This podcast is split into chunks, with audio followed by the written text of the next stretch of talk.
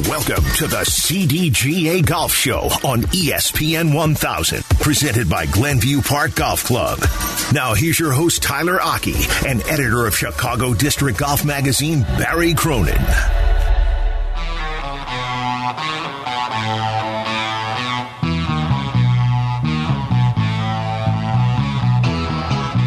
Happy Sunday morning to you. This is the CDGA Golf Show presented by Glenview Park Golf Club. Tyler Aki alongside Mike Gilligan today from the CDGA. Barry Cronin's got the week off, and we've got a ton to talk about with the Open Championship coming up next week. We've got Teddy Greenstein from PointsBet joining us at 8 o'clock today, and also Matt Golden from Tullymore is going to give us the latest on golf and travel and all that good stuff. But, Mike, as we dive in, to everything Open Championship. You know, a lot of buzz about Tiger Woods is finally returning to the golf course in a major format here. We did not see him at the PGA's uh, a couple, or uh, the U.S. Open rather, uh, a couple weeks ago.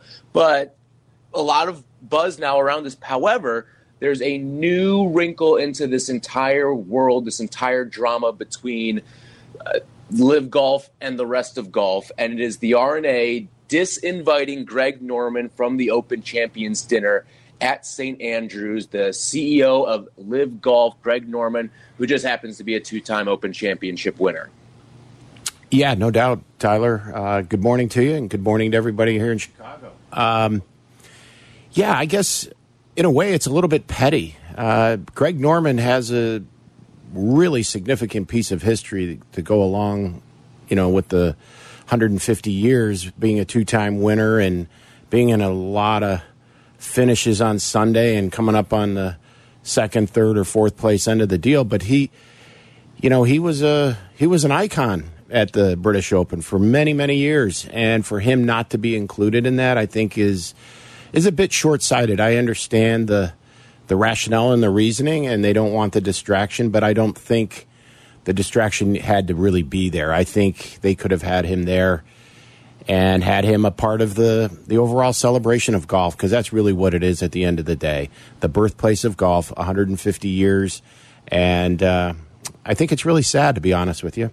I'm with you. I mean, to me, it it strikes me a little in the sense of okay, let's imagine a family and some kid does something wrong and the, there's punishment handed down, whatever, right? There's other ways that the world of golf is going to look down and frown upon Greg Norman because of his involvement with LIV Golf.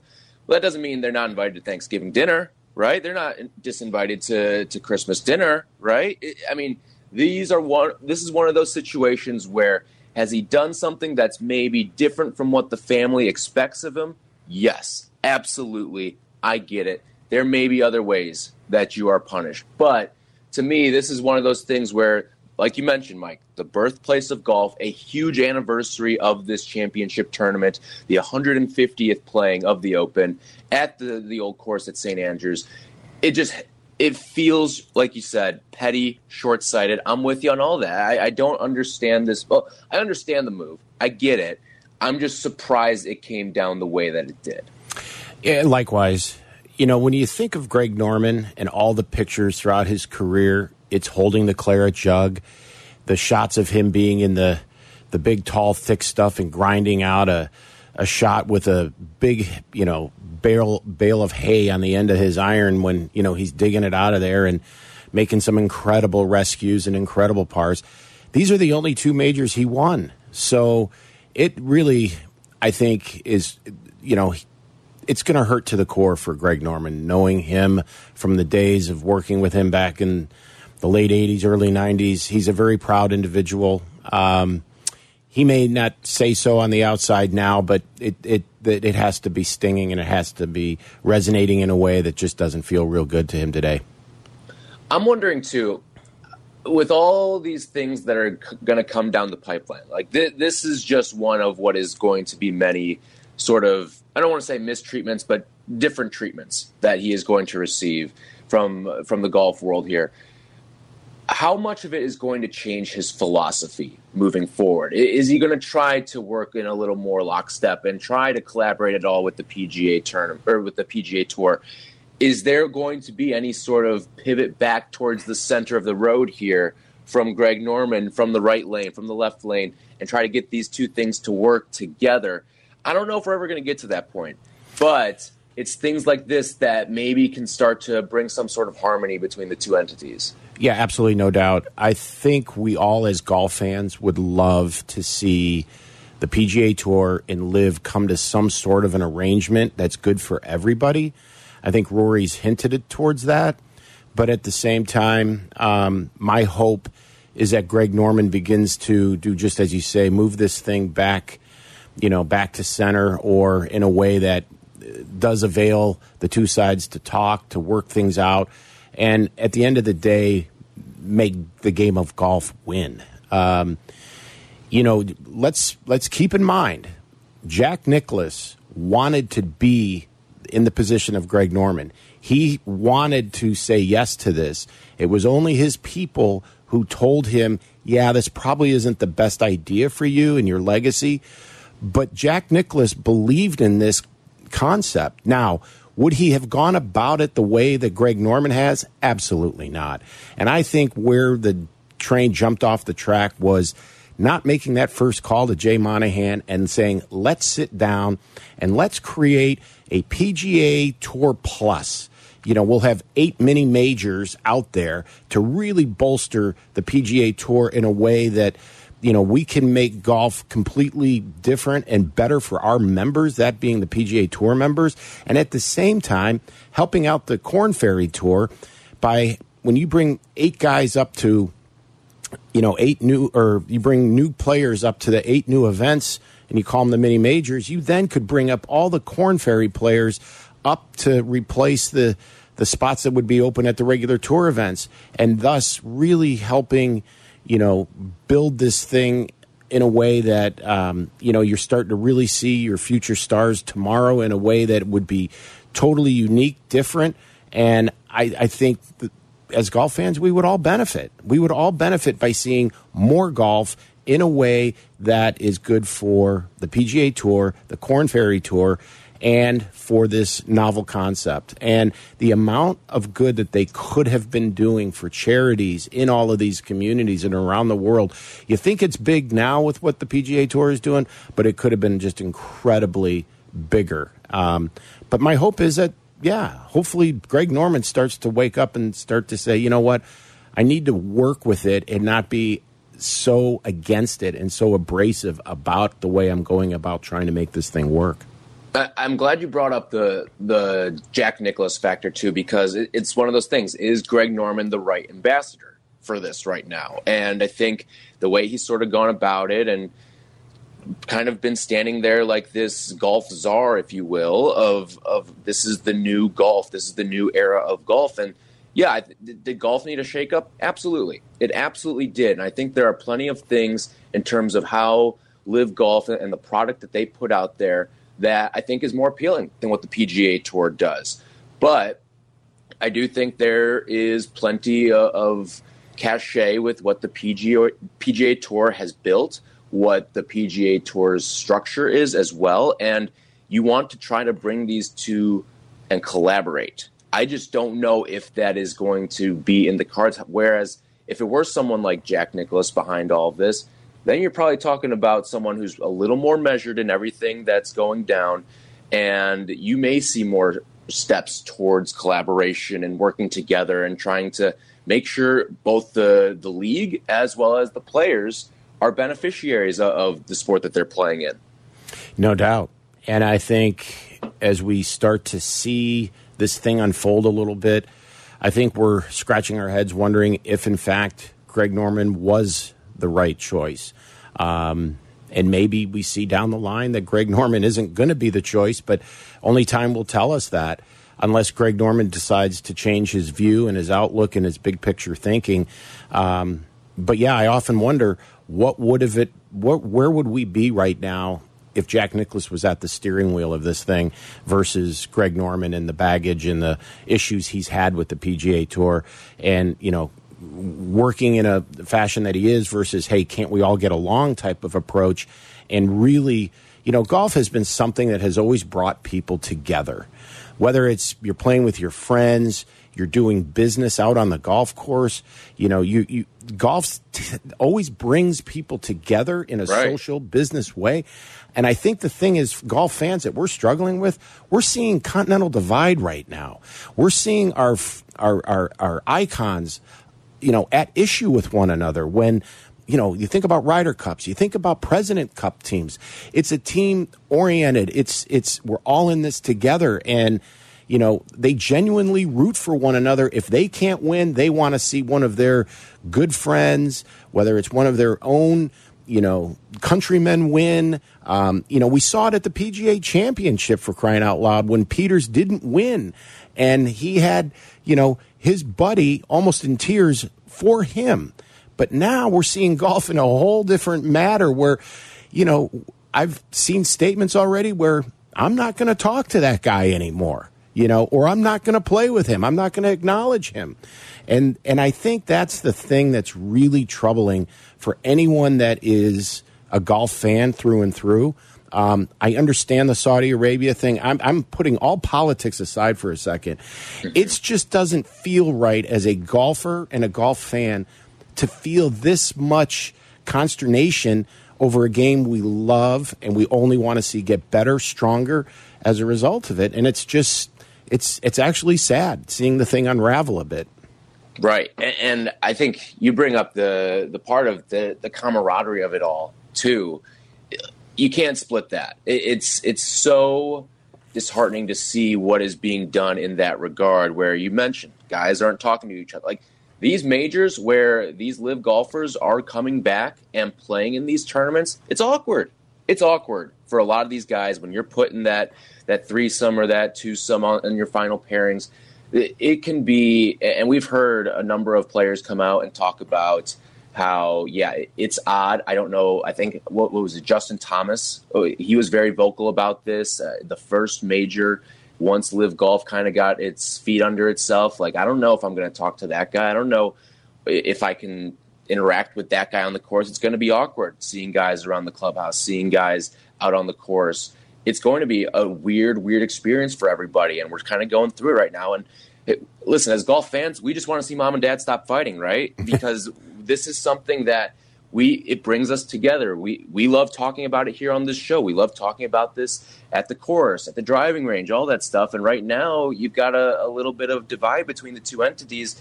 And I don't know if it's something that can necessarily be repaired. And it might be because of the man who is in charge of one of the defecting entities in LIV Golf and in Greg Norman. It's going to be an interesting couple of months, perhaps years, to see how these two cars kind of meet at this fork in the road and which way they're they're both going to go. Yeah, and that I think you hit the nail right on the head. It it the longer we fight, it's just going to be longer before we can get the two sides back together again. Um, and if LIV were to go away, what happens to all these players? Do you think that the PGA Tour and the European Tour all take these guys back again? Um, do they put them in a penalty box for a certain amount of time? I mean, I don't know that they're going to walk right off if that thing were to end and then walk right back out on the PGA Tour with, again, with hard feelings, with open arms. Who knows? But there is there is this divide right now, and I think we saw it with the pairings at the Scottish Open in the beginning. They took the the few players and kind of put them in their own little pairings at the end. It's kind of mm-hmm. like, okay, here's for this group, but then we're going to isolate you guys just to stay within your own now. And uh, I just found that very telling. Yeah, very, very Scarlet Letter esque there. And I don't know, like, you brought up the point of will they accept these guys back after if something were to happen to LIV Golf and i really think they wouldn't have a choice but to accept them back and i say that because at the end of the day, there are still many, many iconic names and faces associated with LIV Golf right now that I think it would be too much of a burden for the PGA, it would be awfully petty. And listen, I get that this is a both of these organizations have acted in high levels of pettiness through the first couple of, of months here of the LIV Golf's existence, but I think it's one of those things that ultimately yeah, there may be some sort of penalty, some suspension for an undisclosed length of time, but eventually we would see the PGA Tour welcome these guys back. I think you'd have to.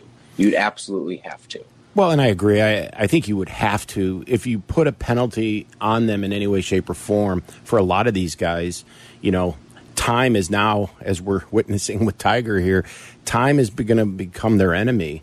But at the same time, I think you would hear a bit of a sigh of relief from the USGA, from the R&A, from the PGA of America, you know, and the Masters because they want their champions back. They want to be able to have their past champions play like they always have for the decades and decades uh, because they they hold their champions in such high regard but now they're being put into a position where just like we're saying with the you know the British Open they're going to chastise a guy that's won their event champion golfer of the year two times Greg Norman and he is not associated with it anymore and I just think as a just as an avid golf fan, it breaks my heart. Yeah, it's one thing to to reject his request for a special exemption to play, right? Like that happened a little bit earlier in the year. It's another thing to say, "Hey, you can't come back to the dinner." That to me was petty. It was really petty by the R&A. All right, when we come back, I do want to talk a little bit about what we were alluding to a little bit earlier, Mike, and that was the comments made by Rory McIlroy. Can the PGA Tour and LIV Golf start to collaborate? You will hear from Rory McIlroy when we come back, and also Tiger Woods is on the prowl. He will be there at the Open Championship, but could this be it for Tiger? We'll discuss all of that when we come back. It's the CDGA Golf Show presented by Glenview Park Golf Club. How's your golf game? Yeah, mine too, but more on that later. It's time for more golf talk on the CDGA Golf Show, your guide to golf around the world and in your neighborhood. The CDGA Golf Show on ESPN 1000. Here are your hosts, Barry Cronin and Tyler Aki.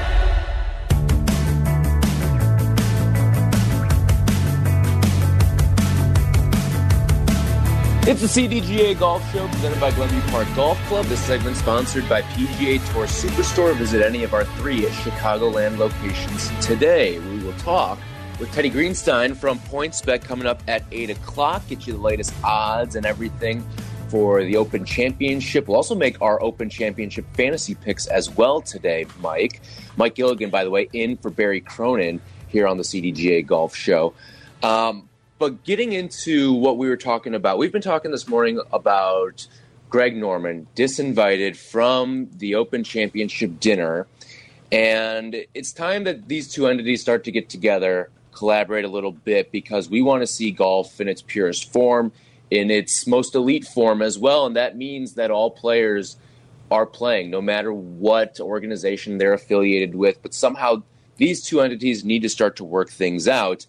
And it's one of those things where what does that roadmap look like, right? Is it, oh, the PGA Tour is just going to absorb all the the money that, that the LIV Tour is getting, or is it that the LIV Tour is effectively buying out the PGA Tour? Like somewhere there has to be a middle ground for these two entities. I don't know how drastic, and I'm also not smart enough to know what that sort of proclamation and, and deal would look like either. But do you, Mike, have any idea if you were to somehow merge these two entities, what something like that could look like? Well, I think, you know, you'd have to bring the two sides together in a way that, you know, makes sense for not only the purses to which they play for, but I think it also goes back to the communities that they visit to really give back to the communities that they go to and even that they don't go to and the different initiatives. I, I think it kind of starts there, but it also goes back to let's how can we take care of the players that if you broke this thing up into thirds, the top third, the middle third, and the bottom third, and I'm not saying just on the PGA Tour, you have to remember that the Corn Ferry Tour is very much a part of the PGA Tour business model. It's the developmental tour.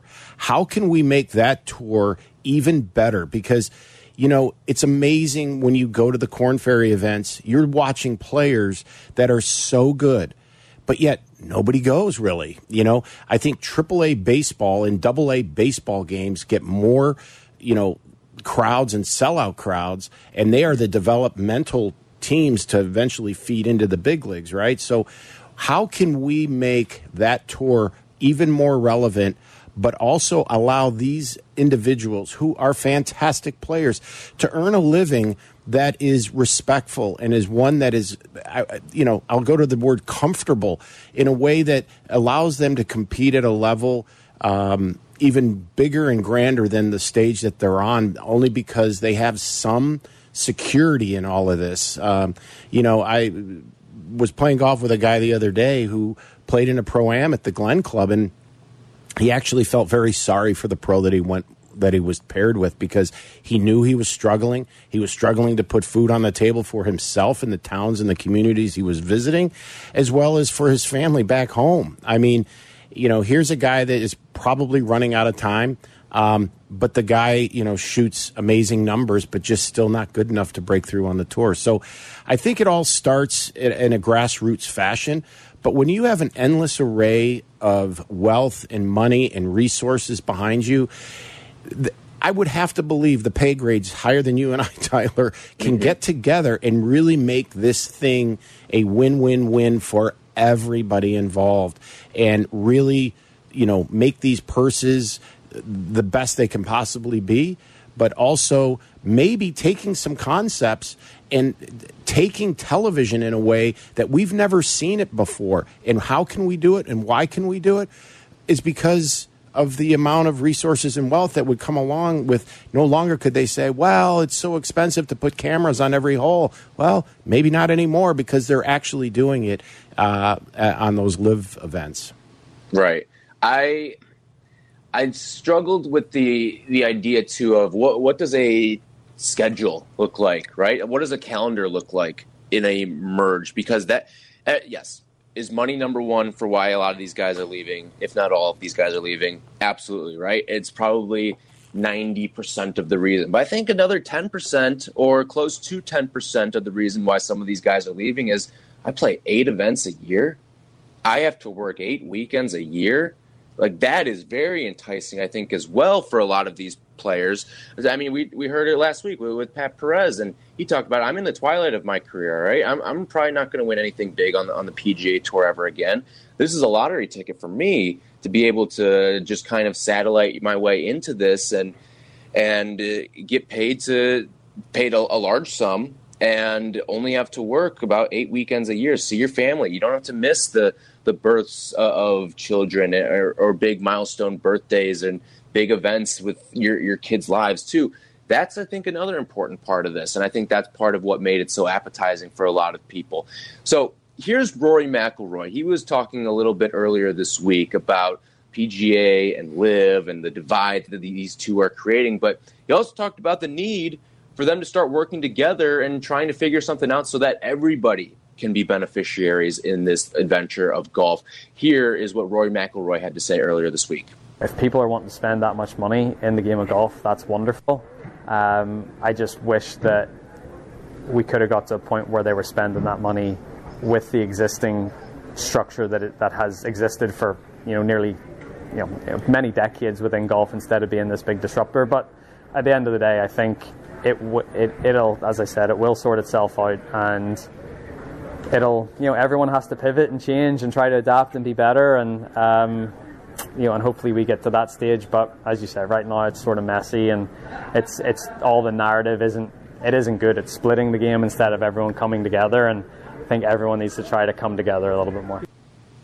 Now I don't think LIV Golf is going to bend the financial knee to the PGA Tour because and I think part of it may be the leadership too. I mean, this could be Greg Norman's I was right all along and really want to stick it to this and that's why I don't know if these two sides can come to some sort of an agreement in the near future. I think this could be something that's drawn out for quite some time. And I think he hit the nail right on the head. Messy. That's exactly what yeah. this is. It's a big mess. And you know, and I think he also made a good point where it didn't get started off in the right way. They didn't use the existing associations, the, the, the, the, entities that govern the great game of golf, and they went about it in a what I'll call kind of a cavalier, kind of you know rogue thinking way, um, which can be good in some fashions and some sort of takes of business, but in this, not so much. You know, golf is a game that has a, a, a tremendous history, and we'll learn more about that this week as everything unfolds in St. Andrews. But I think what happened was that they weren't respecting the history and the associations that govern our game, and the thing got started off really on the wrong foot. And you made a comment about, well, how do you bring them together? How would it look? You know, next year they're talking about 14 events, right? Well, they have eight. And I think eight might be the magic number to stay with if we were to merge these things together. Because the way I would see it is you would have one in every month except the month of a major. So you have four majors. So in April, May, June, and July, you wouldn't have any of the any of these events. But in January you'd have one, one in February, and so forth, so that we would have viewership and some really interesting things to watch, you know, because sometimes less is more. And having these ginormous purses, having the greatest in the world playing, you know, on Thanksgiving weekend might be intriguing television during the holidays. Another great event. I mean, the Skins game captivated us for decades on Thanksgiving uh, weekend. And I remember people going, Are you kidding me? Four people? Who's going to want to watch that? Well, a lot of people did for a lot of years, and it was captivating TV because they had the icons involved in the game. So I think if you can get the world's best all in the same room playing or on the same course playing for a tremendous amount of money uh, at very poignant times for television, I think you got a win win right there. I just don't know. Like, all right, think about how these conversations would have to come together. It would involve Jay Monahan and Greg Norman getting in a room, sitting down with each other. I, I just can't see that happening anytime soon. The, way that each of these guys have gone about their business in deflecting and throwing shots across the other way at the other side I don't see the two of them sitting down in a room anytime soon with each other. I, I think we are that far away from it all right now. I would agree, but you know, unfortunately, yeah, in the short term.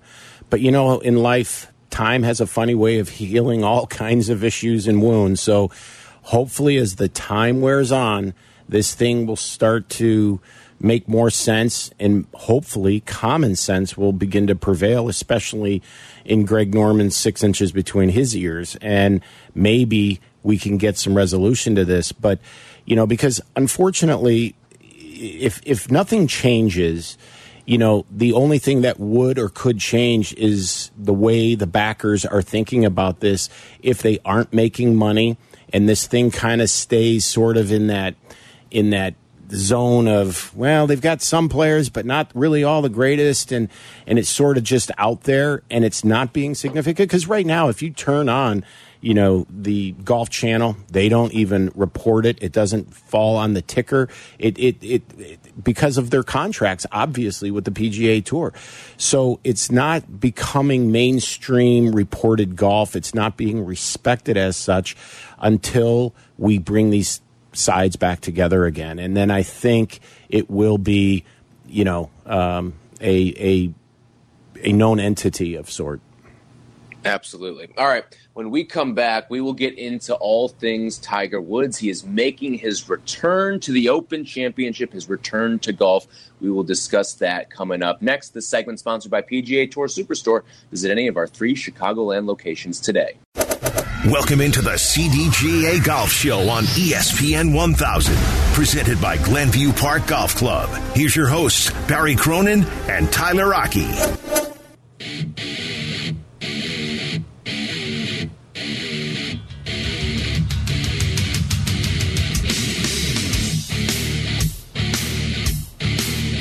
It's the CDGA Golf Show presented by Glenview Park Golf Club. Tyler Aki alongside Mike Gilligan today. Barry Cronin with today off. This segment sponsored by Geneva National. Experience 54 holes of legendary golf at Destination Geneva National. If you miss anything, we talked a lot about LIV and PGA trying to find some sort of common ground. Check it out on the ESPN Chicago app or wherever you get your podcasts. Just look for the CDGA Golf Show. So the big buzz, or at least what we thought was supposed to be the big buzz leading into the Open Championship, was the return of Tiger Woods to the mainstream golf world. Tiger will compete in the Open Championship. It will be his first since he was down at the PGA Championship at Southern Hills. And it was a struggle. It was really tough to watch, really, the two events that we've seen Tiger compete in because it kind of took you through this roller coaster of, wow, he did it. He made a little charge here. He made the cut. He still got it in him. But then there were moments where it's like, are we sure this guy should still be out here right now? I think it was abundantly clear during the Masters once he got into that third and fourth rounds and his first event back. I remember the conversation at the time was always, wow, could you believe that Tiger Woods would be playing in this year's Masters as opposed to Phil Mickelson? And then the same thing rolled over into the PGA Championship out in Tulsa. And you're thinking to yourself, wow, like he did it, he made it, made the cut, and then he gets into that third round really struggles and withdraws from the tournament after those three rounds. And it was like, it was tough to watch. It was really tough to watch. But now he's had a little bit more time in between getting that body ready. But is this going to be it for Tiger? He's talked so glowingly about the Open, how much it means to him. And could this be just the formula for a send off for him of, yes, this is how he's going to go out. He's going to go out playing in his favorite tournament. Yeah, no doubt, Tyler. You know, a lot of people don't realize how much Tiger actually cherishes his wins of the British Open. In fact, he cherishes those more than any other major. So that is how significant, specifically St Andrews and the and what the British Open really means to Tiger and his legacy. But yeah, you asked the question: Are we witnessing the end of Tiger Woods at St Andrews this week as he plays in the 150th British Open? on the fabled old course. But, you know, what are we going to be feeling when he walks over the Swilcan Bridge after teeing off on 18 for the final time? You know, whether it's going to be on Friday or Sunday. And I think as fans, we have to put things back into perspective. It was 17 months ago where he had that terrible accident and you know, they thought he was going to lose the leg. They, you know, wasn't even sure he's going to be able to walk correctly or if again um, and keep the leg. So for him to just be able to have a quality of life that he has is is remarkable. But for him to play at this level and to be able to continue to do this, I don't know. But again, I won't put anything past this man because he tends to you know, when the chips are down, rise in a way that most could never even dream of doing. But he is 46 years old in a body that's been broken down from surgeries, you know, numbering in the double digits. And, uh, you know, it's, it's, it's, but it's going to be tough to watch, I think, if things don't go well for him. It really will be watching a funeral for a friend in a way. Um, but yeah, Tiger is, is so iconic that he will have the crowd pulling for him in a way that I don't think he's ever felt in his entire career, as he will come Thursday and Friday and hopefully over the weekend. And if he were able to muster up and do something special, well, then you never know. Now he's only two away from Jack, and uh, the Masters would be the next major. This would be one of the greatest sports feats I think we would ever see. And I'm not just saying – um, in in terms of like this would be one of the most miraculous sort of turnarounds. And for a guy who we've seen do that thing so many times in his career, it would be just a, an otherworldly thing. I mean, Tiger brings fans to golf. He he simply like every, there's so many people who I know who unless Tiger's playing, their golf radar is not going off on on a Thursday or a Friday and if he's not playing on a Saturday or Sunday, you can definitely forget it at that point. Um, but I, th- I, do think with Tiger, like this would be one of those almost like Peyton Manning moments, right? Like this is the perfect way to sort of send it off. And if he were to somehow, some way, pull off a victory here, we are going to talk to Teddy Greenstein in a little bit, and he has some intriguing thoughts on, on Tiger Woods and, and his and, and what the betting market is sort of playing out with him, but it's gotten to the point now in Tiger's career where we're celebrating made cuts.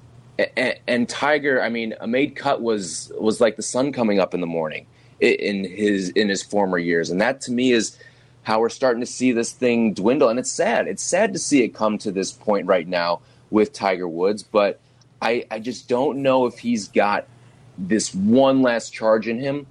And it's because of the physical ailments. Like people have counted him out. And sure, there were a number of, of other events going on in his life beforehand as well, but it's you can see the body break down. And for an athlete when you see the body go the way that Tiger's is going at the current state it, it's so tough to watch. It's so tough to see him have to use clubs as canes at times on, on certain holes. And that's kind of where we're at right now with Tiger. And that's why I'm I'm skeptical if we are going to see one last charge here out of him. Sure, he may make the cut this weekend, this upcoming week rather, but I just don't know if it's going to be one of those all-time Tiger performances where he is hoisting a trophy at the end of it or even inside the top 10. I, am still very, very skeptical that we are going to get to that point of ever seeing that Tiger Woods ever again. Well, exactly. And it's not from a, a desire to want to do it. It's really what the body will allow him to do now. So remember, we haven't seen him play any competitive golf, really any golf for that matter, other than, you know, in the uh, Pro Am earlier in the week. And there you could see he's he's a little rusty and shooting 77 and 74. So you know, he's not able to practice and do the things that he would do to prepare traditionally for the major.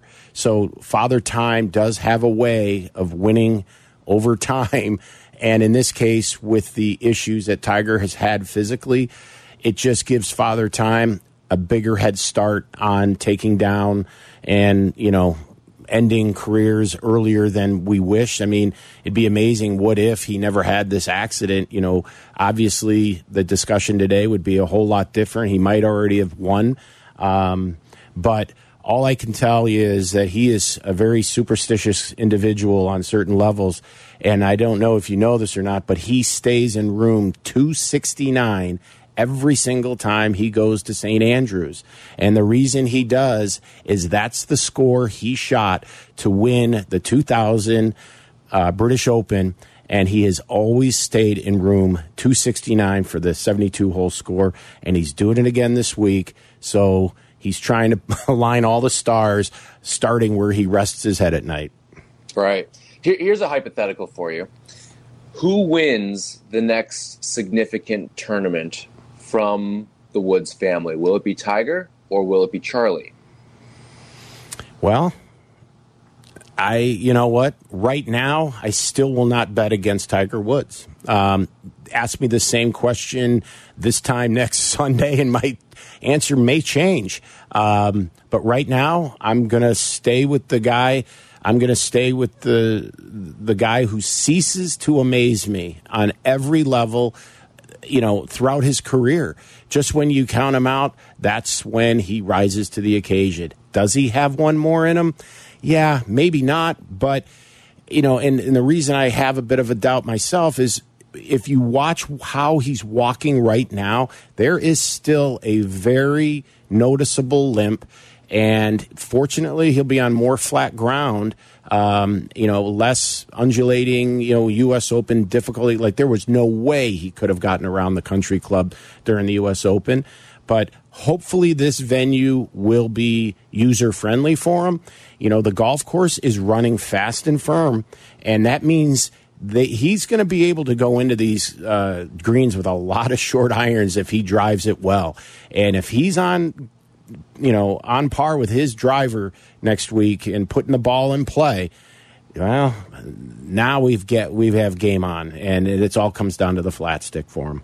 Right. It's going to be a stamina battle for him. That's been the thing that has really hurt him in these third and fourth rounds. He's just he's put everything into making the cut. And, and with the state of his health, making the cut probably feels like a championship for him. But after that, we see that's when we start to see the wheels fall off. So we will be on Tiger Watch all week, and we're looking forward to talking about it next week. Mike will be with Barry and myself once again, um, talking all things about the Open Championship. When we come back, we will whip around what's going on at the Scottish Open, the Barbasol Championship, all that is coming up next. This segment was sponsored by Geneva National. Experience 54 holes of legendary golf at destination Geneva National. From PGA to where you should play. This is the CDGA Golf Show with Tyler Aki and Barry Cronin. Presented by Glenview Park Golf Club.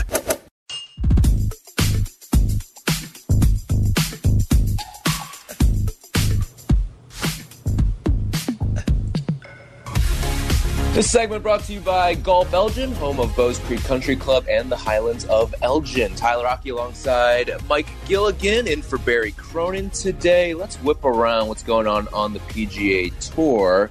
I guess we can start with what's happening in the Barbasol Championship, and I think we can just say, I think they're playing right now. I think they're playing. They have dealt with a lot of weather out in Kentucky so far this week, but elsewhere at the Scottish Open, uh, right now, Xander Schauffele is your leader through 54 holes. He is two strokes up on Rafa Cabrera Bello. Jordan Spieth also playing well. He's got the ace this week, too.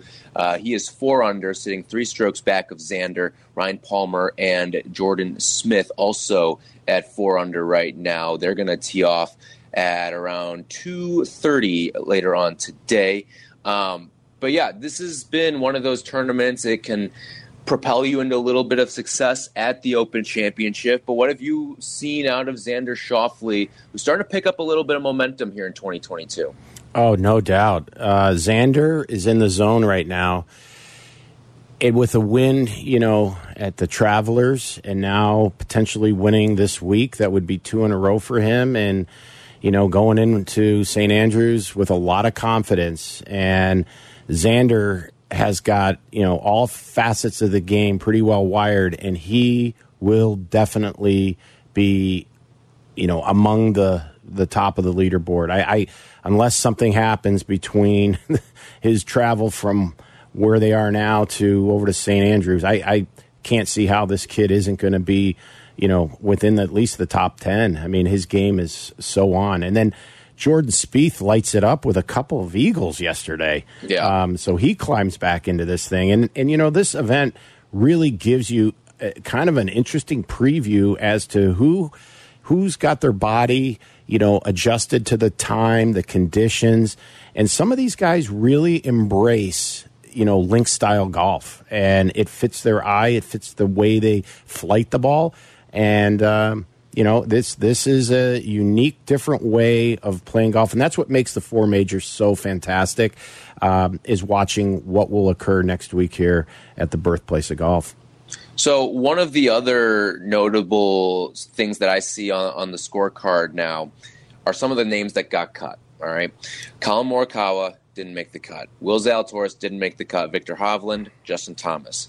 Those are four guys that also have had to answer a lot of questions about LIV Golf. And is it one of those things where it's starting to seep into their play where it feels like they're fighting two battles here? Not only are they fighting the battle on the golf course, but they are fighting the battle out in the media as well. And where is their next golf tournament going to be played? And who? Why are you not jumping ship to LIV? Why have you stayed loyal to the PGA Tour? Do you think it's starting to really seep in? And start to affect some of these guys' games?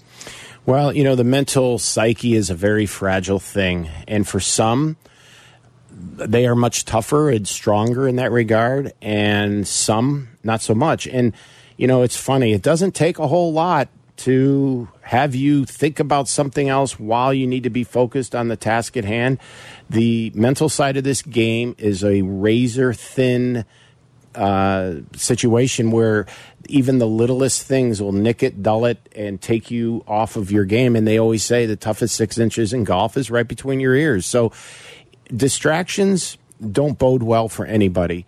The guy who can be locked in and be, you know, almost like Jack Nicklaus back in the day when he was playing and a train horn went off in the middle of his swing and they asked him, well, did, did that affect you? And he said, what train horn?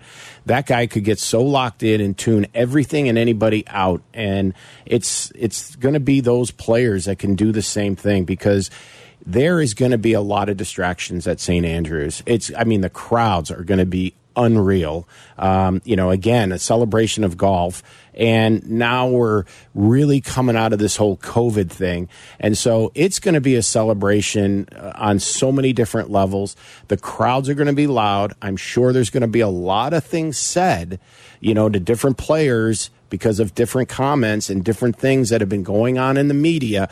So some of these guys have elephant ears and some of them don't. And I think that's going to play a big part in this weekend or next week. All right. When we come back, we will check in with Teddy Greenstein from PointsBet. He'll give you all the latest odds and info you need for your gambling week ahead with the Open Championship. That is coming up next. This segment brought to you by Golf Elgin, home of Bowes Creek Country Club and the Highlands of Elgin.